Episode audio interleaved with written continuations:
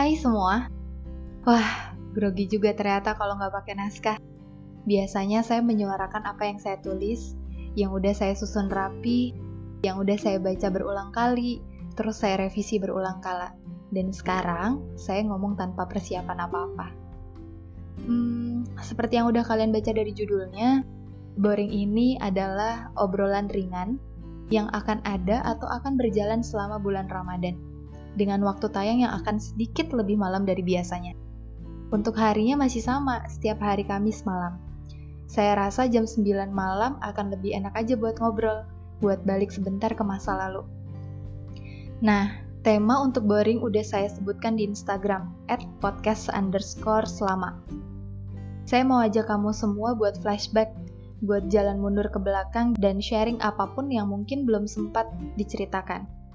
Saya juga bilang, kamu semua bebas buat nanya atau request sama saya tentang apa yang harus saya angkat di konten-konten berikutnya selama episode boring ini ada.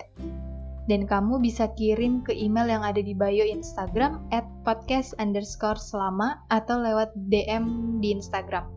Saya tunggu ya. Selama di rumah aja pasti banyak banget yang dipikirin.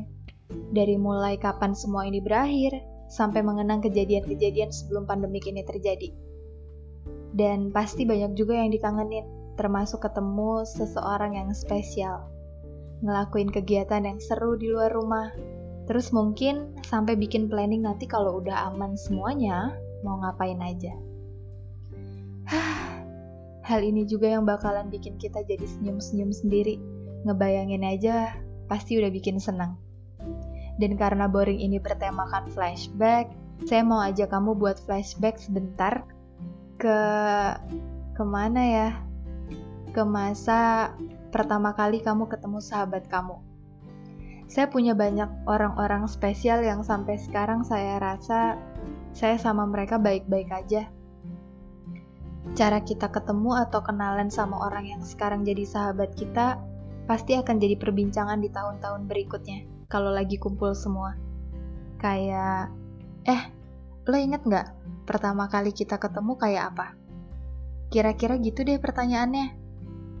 Ada yang kenalannya karena emang satu kelas, satu angkatan, atau satu lingkungan. Ada juga yang kenalannya di luar dari lingkungan kita. Kayak ketemu di salah satu kafe, atau dikenalin temen, dan ternyata malah jadi sahabat kita yang sekarang. Kayak cerita saya ini. Jadi saya ada sahabat karena satu lingkungan, dan saya juga punya sahabat yang awal kenalnya random gitu ada yang ketemu di kafe, dikenalin teman, dan dan ada yang ketemu karena kondisi yang gak diduga. Pokoknya gitu deh. Nanti saya ceritain satu-satu siapa mereka. Yang hari ini saya mau ceritain sahabat saya yang ketemunya di lingkungan yang sama, alias satu kampus. Kita sahabat ber satu dua tiga. Uh, kita sahabat berlima. Mereka ini banyak ngebantu atau mungkin saling bantu lebih tepatnya selama kuliah. Dia adalah Adit, Faisa, Ulan, Citra. Kalau saya harus ingat-ingat lagi, saya deket sama mereka pastinya karena ada sebuah alasan. Alasan karena kita harus satu kelompok tugas yang sama. Saya deket sama Adit dan Faisa yang pertama, karena satu kelompok tugas. Mulai deket sama Ulan dan Citra juga karena satu kelompok tugas. Terus nyaman, seru, nyenengin, Lengkap deh pokoknya. Sampai akhirnya kita semua gabung. Tapi saya lupa mulainya dari mana. Kayaknya sih mulai dari seringnya kita diskusi bareng. Terus nyambung, jadi deh kita berlima. Dengan karakter masing-masing. Masa-masa kuliah teknik yang berat jadi punya healing sendiri kalau udah bareng sama mereka. Apalagi kalau barengannya ngerapatin di kafe. Banyak banget kejadian lucu kalau bareng mereka selesai kuliah. Dan saya yakin 200% kalau kita kompak. Apalagi soal nentuin abis kuliah mau rapat di mana. Kalau udah ada kata rapat, ini bakalan panjang. Sehari bisa empat kali ganti kafe. Ditutup dengan karaoke tengah malam. Ya karena ada diskon 50% sih kalau nggak salah. Terus lanjut makan junk food yang buka 24 jam. Dan cuma ada satu motor yang ngeharusin sang pemilik motor sibuk bolak-balik buat anterin kita satu-satu. Sampai pernah digosipin yang aneh-aneh dong di kampus. Ini serius beneran. Gara-gara kita pulang jam 2 subuh, dikiranya kita habis ngapain gitu. Tapi ya gitu, kita nggak pernah ambil pusing.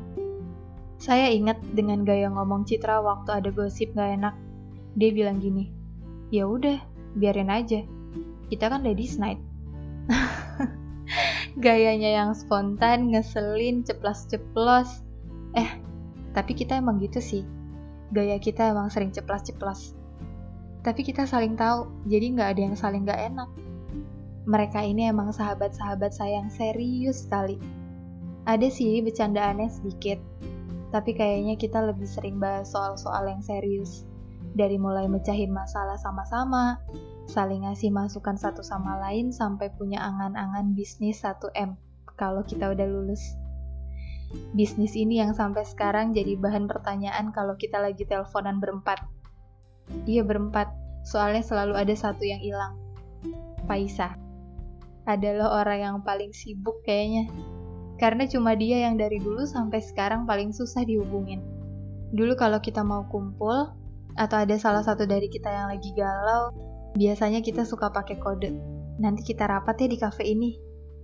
Terus masing-masing dari kita udah tahu kalau ada kata rapat berarti salah satu dari kita ada yang lagi galau dan kita kayak udah punya job desknya masing-masing gitu. Hmm, Citra dengan komentar yang paling spontan. Dan dia yang paling jarang cerita dulu. Saya malah sering denger Citra cerita baru-baru ini di grup chat. Dulu kayaknya Citra yang paling tertutup. Terus ada Adit dengan komentar yang memposisikan dari sudut pandang laki-laki. Buat saya, Citra dan Ulan emang butuh banget sudut pandang dari laki-laki tentang masalah apa pun. Faisa sebagai penghibur dan sedikit seriusnya. Tapi dia yang paling dicari. Kalau kita lagi kumpul. Nggak lengkap aja kalau ada satu yang hilang. Ulen dengan pandangan yang lurus-lurus aja. Kadang malah kita sebut Ulen si hati batu. Iya ini beneran. Di saat nonton drama yang sedih, cuma dia doang yang gak nangis. Hah. Dari mereka saya jadi tahu Ternyata pertemuan saya dengan mereka kayak emang udah direncanain aja. Semesta kayak ngasih kelengkapan dengan porsi mereka masing-masing, termasuk porsi saya. Gak ada yang double, gak ada yang saling tumpuk. Kita berada di jalur yang jadi diri sendiri saat ketemu, dengan karakter masing-masing. Hari-hari paling berat dalam hidup saya selama kuliah, selama ada di kampus, bakalan reda kalau saya ingat saya punya mereka yang percaya sama saya, yang lebih tahu saya dibanding orang-orang di sekitar kampus lainnya. Dan kalau ini difilmin mungkin karakter tokohnya lengkap. Protagonisnya ada, antagonisnya ada, komedinya juga dapat. Semua yang terjadi emang gak kebetulan. Semuanya udah dikasih rambu. Semuanya ada alasan. Dan semuanya udah jadi sejarah.